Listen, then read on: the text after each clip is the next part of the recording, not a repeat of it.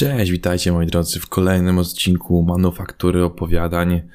Mam nadzieję, że ten tydzień minął Wam całkiem nieźle. No, obecnie czeka nas właściwie e, majówka i mam nadzieję, że macie już jakieś ciekawe plany na, te, na ten długi weekend, bowiem to już od piątku do wtorku tak naprawdę będzie długi weekend i dużo, dużo wolnego czasu, więc mam nadzieję, że grille macie już rozpalone oraz już jedziecie albo już jesteście nawet w jakimś ciekawym miejscu, a może już byliście, w zależności od tego, kiedy słuchacie tego epizodu. W każdym bądź razie życzę Wam jak najlepszej zabawy, gdziekolwiek jesteście, czy też będziecie. A dzisiaj chciałem z Wami porozmawiać na temat ciekawego zagadnienia, jakim jest utrzymanie uwagi widza. Jak dobrze wiecie, storytelling ma różne twarze, a jednym z takich najważniejszych celów opowiadacza historii jest ciągłe utrzymanie uwagi widza. Jak pewnie wiecie, my jako ludzie nie mamy zbyt dużego utrzymania uwagi i tym samym coraz ciężej nam jako opowiadaczom historii tą uwagę przykuć, jako iż nie jest to łatwe zadanie.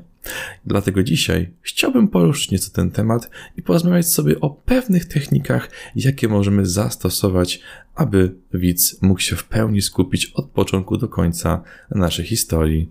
Nie przedłużając, zapraszam do odcinka. Storytelling polega na ciągłym zdobywaniu uwagi widza. Jeśli ktoś z Was interesuje się talentami Galupa, to zapewne wie, czym jest talent Wu, czyli po polsku czar czyli no właśnie tym zdobywaniem uwagi odbiorcy. Zapewne słyszeliście, że ludzie mają czas ciągłego utrzymania uwagi na poziomie 8 sekund. To nawet mniej niż zwykła ryba pływająca po oceanie spokojnym. Mając to na uwadze jako storytellerzy, powinniśmy zadbać o to, aby co średnio te 8 sekund, powiedzmy, czy nieco nawet więcej, nasze opowieści wprowadzać tak zwane pewne anomalie. Nagle, tymczasem, jednakże, lecz. Te wszystkie słowa są kluczem do sukcesu. Dlaczego? Gdyż najczęściej po nich nadajemy zmianę sytuacji, wprowadzamy jakąś akcję. Ciężko jest utrzymać ciągłą uwagę, kiedy nic w naszej opowieści się nie dzieje. Michał wraca ze szkoły, sięga przy wejściu do kieszeni po klucze i otwiera swobodnie drzwi. Wchodząc do mieszkania, zamaszyście rzuca plecak na podłogę, po czym podchodzi do szafki w kuchni, sięgając po słodycze. Zajada się nimi pełną gębą, ciesząc się od ucha do ucha. Biorąc kilka ciasteczek ze sobą, poszedł do salonu, gdzie sięgając po pilota, włącza telewizję i rozsiada się wygodnie na kanapie. Przełącza się między kanałami, szukając bajek. Obecnie nic ciekawego nie leci. Zmienia więc swoje miejsce pobytu. Idzie do swojego pokoju pobawić się nieco zabawkami. Bierze w dłoń figurkę zabawkę Optimusa Prime, po czym wkłada ją między inne zabawki, tym razem w kształcie dinozaurów. Dobra, może wystarczy tutaj większego braku akcji. Zauważ, jak skonstruowany jest przykład, który właśnie opowiedziałem. Cały czas czekasz, aż coś się stanie. Czujesz takie budowanie napięcia.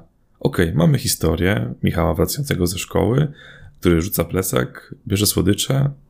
No dobra, ale kiedy jakaś akcja? Czy zaraz coś wyskoczy? Czy z tych zabawek coś się zaraz stanie? Czy może cokolwiek się wydarzy? Jakiś zwrot akcji? Przeszkoda? Problem? No właśnie. Coś musi się wydarzyć, prawda? I cały czas czekasz, aż coś się wydarzy. Dlatego pozwól, że nieco wprowadzę zmiany w tej historii. Michał wraca ze szkoły. Sięga przy wejściu do kieszeni po klucze i otwiera swobodnie drzwi. Wchodząc do mieszkania, zamaszyście rzuca plecak na podłogę, po czym podchodzi do szafki w kuchni, sięgając na palcach po słodycze. Nagle, nim się orientuje, ześlizguje się po mokrych kafelkach i uderza mocno głową o blat. Michałowi kręci się w głowie. Czuje, jakby widział wszystko poczwórnie. Jedną ręką maca szafki kuchenne, aby się czegoś złapać i próbować wstać. Udaje mu się to z wielkim trudem. Drugą ręką łapie się za głowę. Widzi sączącą się krew. Blednie. Ostrożnym krokiem udaje się do łazienki, skąd za lustra wyjmuje z apteczki bandaż oraz gazę. Sprawnie posługuje się nożyczkami, po czym zawiązuje sobie bandaż. Nim jednak pomyślał, że to już koniec jego problemów, momentalnie zwymiotował do toalety. Całe szczęście do mieszkania weszła jego mama, która natychmiast zadzwoniła po pogotowie. Jak widzisz, tutaj dodałem więcej emocji. Mamy zwrot akcji w postaci wypadku, który za chwilę przeradza się w coś naprawdę poważnego. Pojawia się krew, wymiotowanie, strach.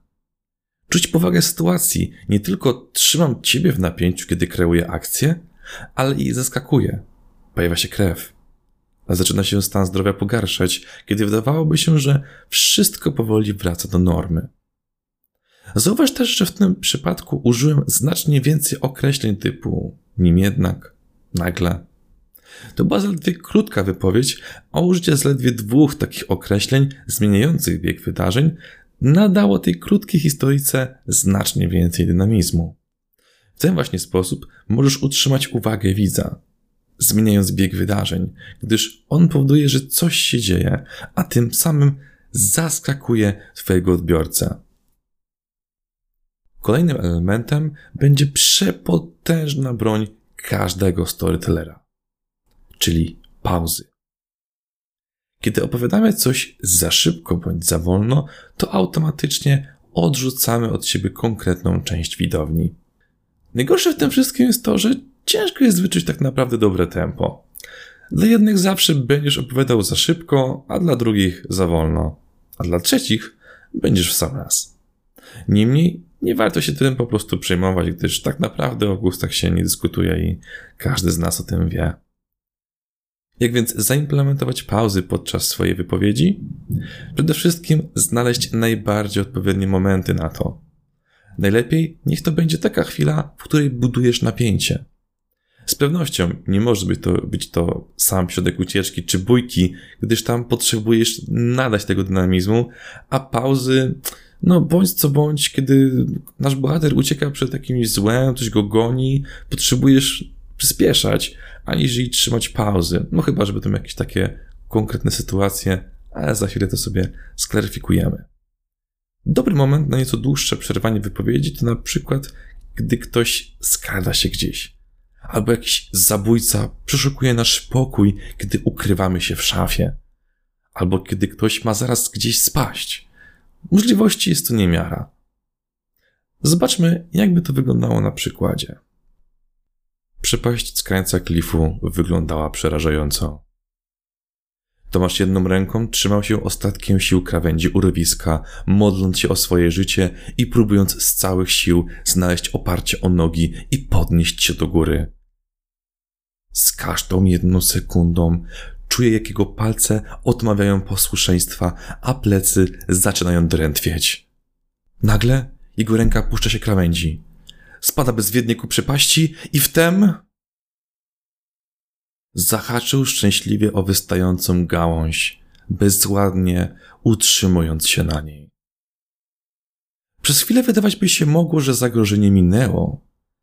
Tomasz poczuł nagle, jak drobne kamyczki spadają mu na głowę. Początkowo był zbyt słaby, aby ją podnieść do góry. Jednak kiedy tylko usłyszał dźwięk staczającego się na dół wielkiego głazu, wiedział, że jedyne co mu zostało to nadzieja na cud. Tomek zamyka oczy, modląc się do Boga o przebaczenie, błagając go chociaż o kilka dodatkowych sekund swojego życia. Mija sekunda. Pięć. Piętnaście. Nic. Tomasz otworzył oczy i spostrzegł, że kamień chybił go o długość paznokcia. Jak widzisz, w tym przykładzie użyłem kilkukrotnie pauz, aby zbudować napięcie. Kiedy to opowiadałem o upadku Tomka, kiedy miał spadać głaz oraz w momencie, w którym spodziewamy się jego uderzenia. To wszystko możemy nazwać pewnymi punktami zaczepnymi, które dają nam możliwość pobawienia się z widzem. Wspomniałem kiedyś na podcaście, że nasz umysł działa w ten sposób, że próbuje przewidywać to, co się wydarzy. Że jak widzisz spadający głaz, to myślisz, trafi go, a on zginie. Albo coś się wydarzy i uratuje go z tej sytuacji. Pauza daje moment, aby widz podkreślał w swojej głowie to, co umysł mu podpowiada. No dalej, zginął czy nie? No co się zaraz wydarzy? Na bank ten kamień musiał go rozwalić na kawałki. I wtedy wchodzisz ty, jako opowiadacz historii, mówiąc, że tak się nie stało. Pauzy pozwalają widzowi dłużej utrzymać uwagę, gdyż ten jest głodny tego, co za moment się wydarzy. A przy okazji Twojej wypowiedzi nadaje odpowiedniego tempa, co pozwala słuchaczowi na przetworzenie wszystkich informacji, jakie mu w danym momencie przekazujesz. Podsumowując, utrzymanie uwagi słuchacza to z pewnością trudne zadanie dla każdego opowiadacza historii, zarówno tego bardziej, jak i mniej doświadczonego. Stosując anomalie w swoich wypowiedziach w formie nagle, jednakże, wtem, utrzymasz uwagę widza, który zobaczy, że zmienia się bieg wydarzeń i za moment coś się wydarzy. Z kolei pamiętając o pauzach, będziesz w stanie zbudować napięcie, które utrzyma uwagę widza na naprawdę, ale to naprawdę długi czas. Im więcej ich zastosujesz w odpowiednich momentach, tym lepiej, a pauz nigdy za mało. No chyba, że stanowią większą część Twojej wypowieści. Wtedy na pewno warto się nad tym zreflektować chociaż trochę. Dzięki wielkie za odsłuchanie, a my słyszymy się już za tydzień. Trzymajcie się, cześć.